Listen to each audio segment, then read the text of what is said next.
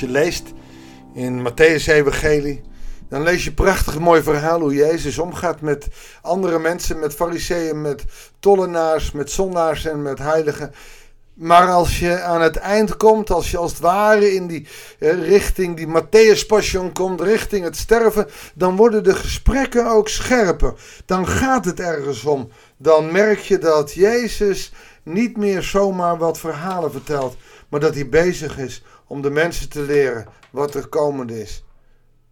En daar komen we nu binnen het Matthäus-evangelie ook achter. Als we lezen uit Matthäus 16, verse 1 tot en met 11. Goeiedag, hartelijk welkom bij een nieuwe uitzending van het Bijbels Dagboek. Jezus spreekt met de fariseeën en sadduceeën. Jezus spreekt met zijn discipelen. Laten we gaan lezen wat vandaag het evangelie voor ons in petto heeft. Vers 1 van hoofdstuk 16. De fariseeën en de sadduceeën kwamen hem op de proef stellen. En dan heb je het weer, er wordt op de proef gesteld waarom de fariseeën en sadduceeën kunnen er niet zo goed tegen. Dat Jezus die aanhang heeft en dat hij de onrust in hun leer. Hij heeft al duidelijk gemaakt in zijn leven dat de wet van Mozes hoef je hem niet op te pakken. Maar het is hun leer, hun theologie. Het is niet de Bijbel, het is de theologie van deze mensen. Dat is tegenwoordig ook een discussie. Ben je het met dingen in de Bijbel niet oneens? Of ben je, uh, ben je het met de theologie van deze tijd of van een bepaalde kerk niet eens? De Fariseeën en Sadduceeën willen hem op de proef stellen. En zij stellen hem de vraag een teken uit de hemel te tonen. Ik heb al eens eerder gezegd, als er nu een teken uit de hemel komt, zal er niemand, denk ik, echt uh, gaan geloven.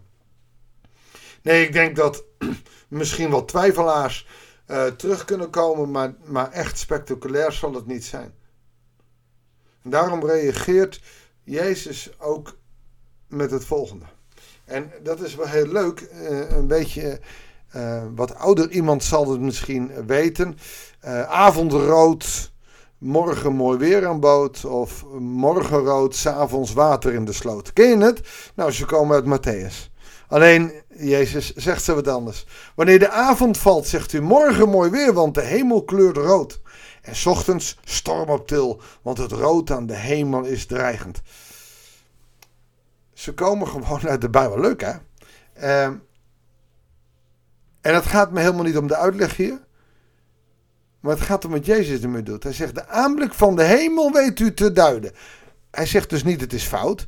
Want heel vaak als je s'avonds een prachtig mooie rode zonsondergang hebt, heb je s ochtends vaak ook mooi weer. En als je s ochtends die vuurrode hemel hebt, dan heb je s'avonds regen. Het klopt ook heel vaak wel. Dus het is ook helemaal niet in onwaarheid. En Jezus zegt ook, joh, dat weet je te duiden. Maar de tekenen van de tijd niet.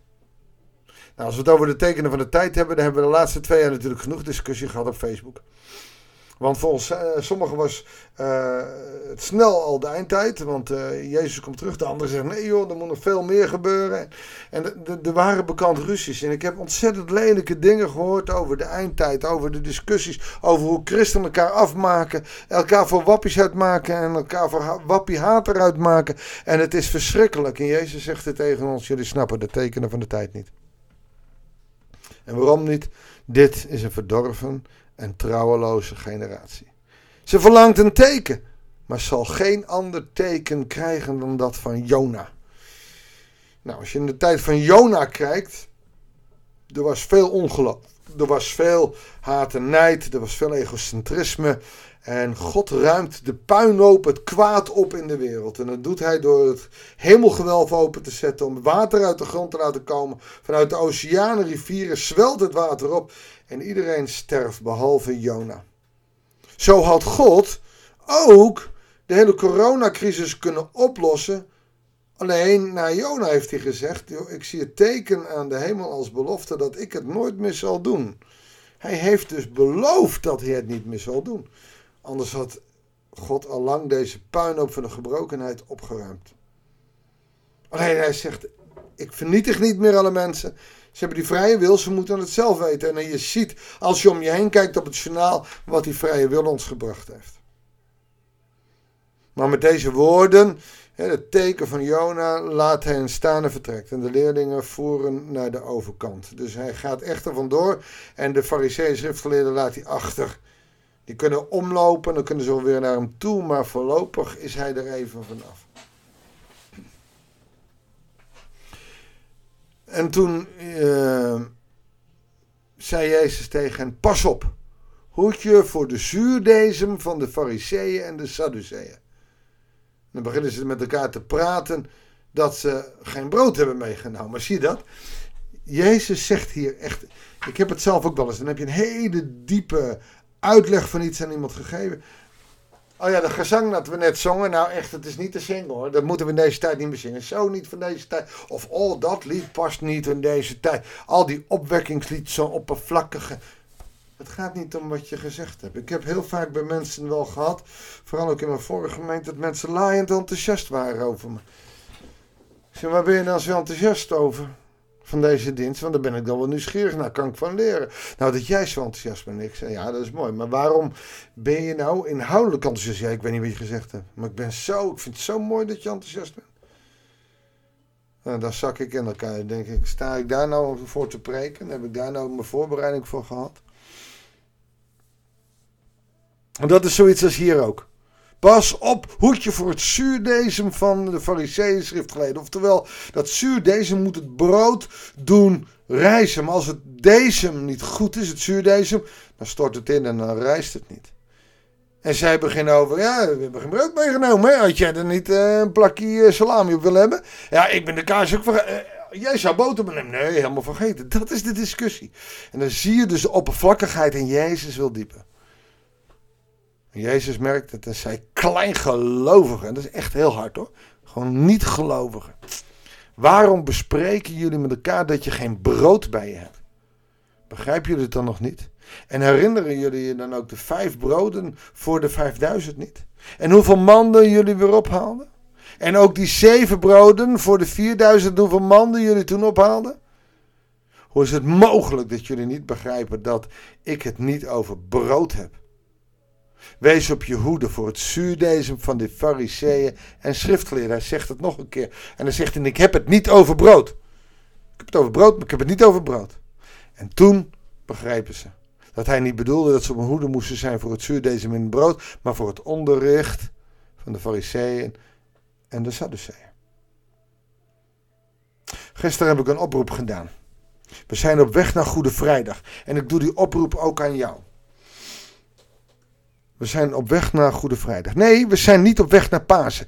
Dat gebeurt in de. Oh, we zijn op weg naar Pasen. Bijna paasfeest. Het is een kinderproject op weg naar Pasen. We zijn niet op weg naar Pasen. Dat feest dat komt nog wel een keer. We zijn eerst op weg naar Goede Vrijdag. We zitten in de lijdenstijd. Ik zit hier ook mijn podcast weer te maken met de crucifix op mijn bureau.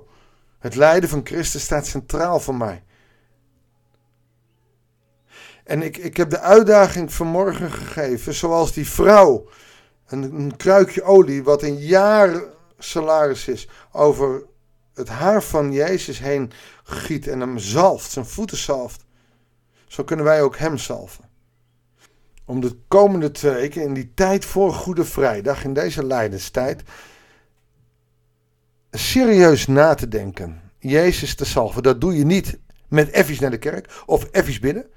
Maar dat is de tijd nemen en de tijd ook echt nemen om na te denken wat de dood van Christus voor jou echt betekent. En dan niet met allerlei clichés achter genade. Ja, dat zal wel, dat geloof ik wel. Maar zeg het eens met eigen woorden.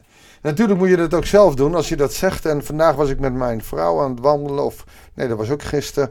En we kregen een uh, gesprek over alles en nog wat. Op een gegeven moment zeg ik: Ik vind het allemaal oppervlakkig. Ik wil jou een vraag stellen die de dominee vanmorgen stelde. En toen had ze al heel groot door dat ik mezelf bedoelde. Uh, en ik heb deze vragen aan gesteld. Dus ik kwam met eigen woorden. Eigenlijk met iets heel moois.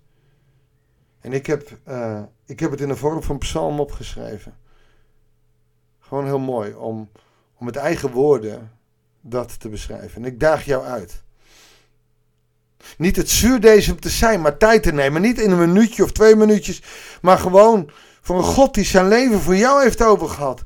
Hem te salven met tijd. Dat is het kostbaarste wat we hebben tegenwoordig. Want we hebben geen tijd. Onze agenda zit er vol. Nou, mijn moeder had dan een uh, briefje op de deur hangen. Als je geen tijd hebt. Hè, normaal moet je een kwartier per dag toch minimaal stille tijd houden. Als je geen tijd hebt. Doe het dan een half uur. Oftewel, neem de tijd. En doe het niet alleen stil en bij jezelf, maar ga met iemand wandelen.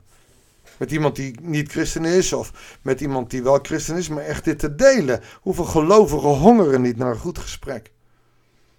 Wees niet het zuurdezen, maar wees kinderen van het brood des levens. Een deel waar het echt om gaat. Ik wil je daarmee zegenen. Heer, ik zegen zo de luisteraars die, naar ik hoop, de komende twee weken de tijd nemen om stil te worden. Om voor te nemen, om veel stil te zijn. En stil te staan bij wat dat offer voor u brengt. En dat ze ook op Goede Vrijdag het lef hebben om iets van een kerkdienst mee te maken. Of in ieder geval heel bewust het lijden van u in die Goede Vrijdag mee te maken. Zodat er met paas echt wat te vieren is. Maar dat ze door het lijden heen gaan. Heer, ik zegen hen dat toe. Dat ze door de kracht van uw geest mogen voelen. Wat dat werkelijk waar voor hun betekent. In Jezus' naam. Amen. Nogmaals, ik heb het uh, al mogen doen en ik uh, zal het blijven doen. Ik zal me voor blijven nemen om dit te doen. Misschien dat ik wel meer psalmen schrijf. Om zo uh, te delen wat het is. En ik, ga je beloven, volgende week zal ik dit gedicht wat ik geschreven heb, of dat gedicht, maar de psalm, ga ik op, uh, op Facebook ook delen. Om de hele wereld te laten zien wat, wat mijn gevoel erbij is. Niet omdat ik zo goed ben, maar omdat het me zeer doet. Ik wens jou een hele goede dag. En ik hoop ook tijd met God over dat lijden wat Hij moest doen voor jou. Veel zegen.